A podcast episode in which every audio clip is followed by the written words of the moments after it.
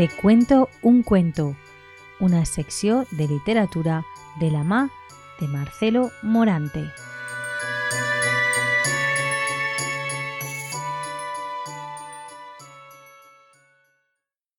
Gracias por estar una semana más pendientes del programa de cuentos Te cuento un cuento de la Tegua Radio. El cuento de esta semana quería dedicarlo a mis alumnos del Instituto Jaime de Santángel de Radován, en concreto a la clase de primero B1, que ellos no lo saben, pero muchas veces inspiran con su magia y su naturalidad muchos de mis cuentos.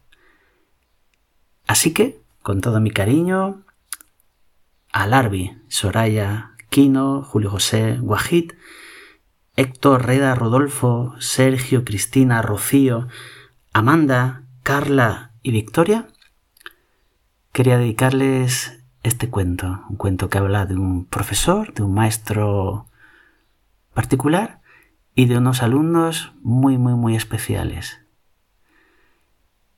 Dulces sueños. Te cuento un cuento. Inés Temperina y el boletín de notas. ¿Sabéis lo que haría yo si fuera maestro y tuviera que entregar las notas a mis alumnos? A la hora de darle los boletines con las calificaciones, en lugar de las notas numéricas, escribiría, por ejemplo, esto. Es cierto que la alumna Marguerita Sensatetto a veces olvida las tablas de multiplicar y todavía no sabe cuántos son 8 por 7. Pero a cambio es una niña muy alegre, simpática y siempre está dispuesta a dar una mano a sus compañeros. Y eso también es muy importante. Y también escribiría esto otro.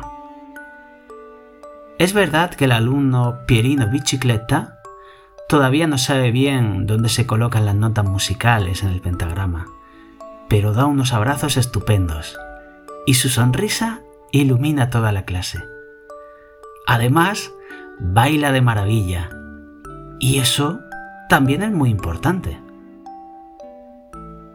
Y si me dejaran, también escribiría esto otro en el boletín de calificaciones de Inés Temperina.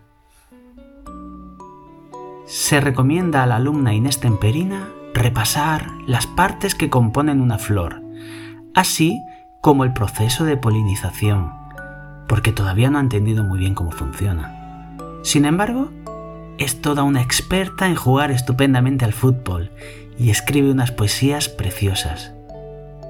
Y eso también es muy importante. Todo esto y mucho más escribiría yo en los boletines de notas de mis alumnos y alumnas si fuera maestro. Pero, un momento, yo ya soy maestro.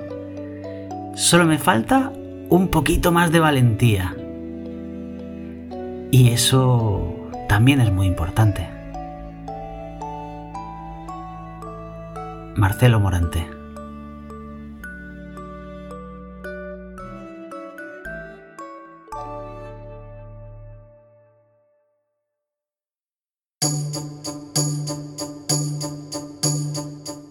Te cuento un cuento, una sección de literatura de la MA de Marcelo Morante.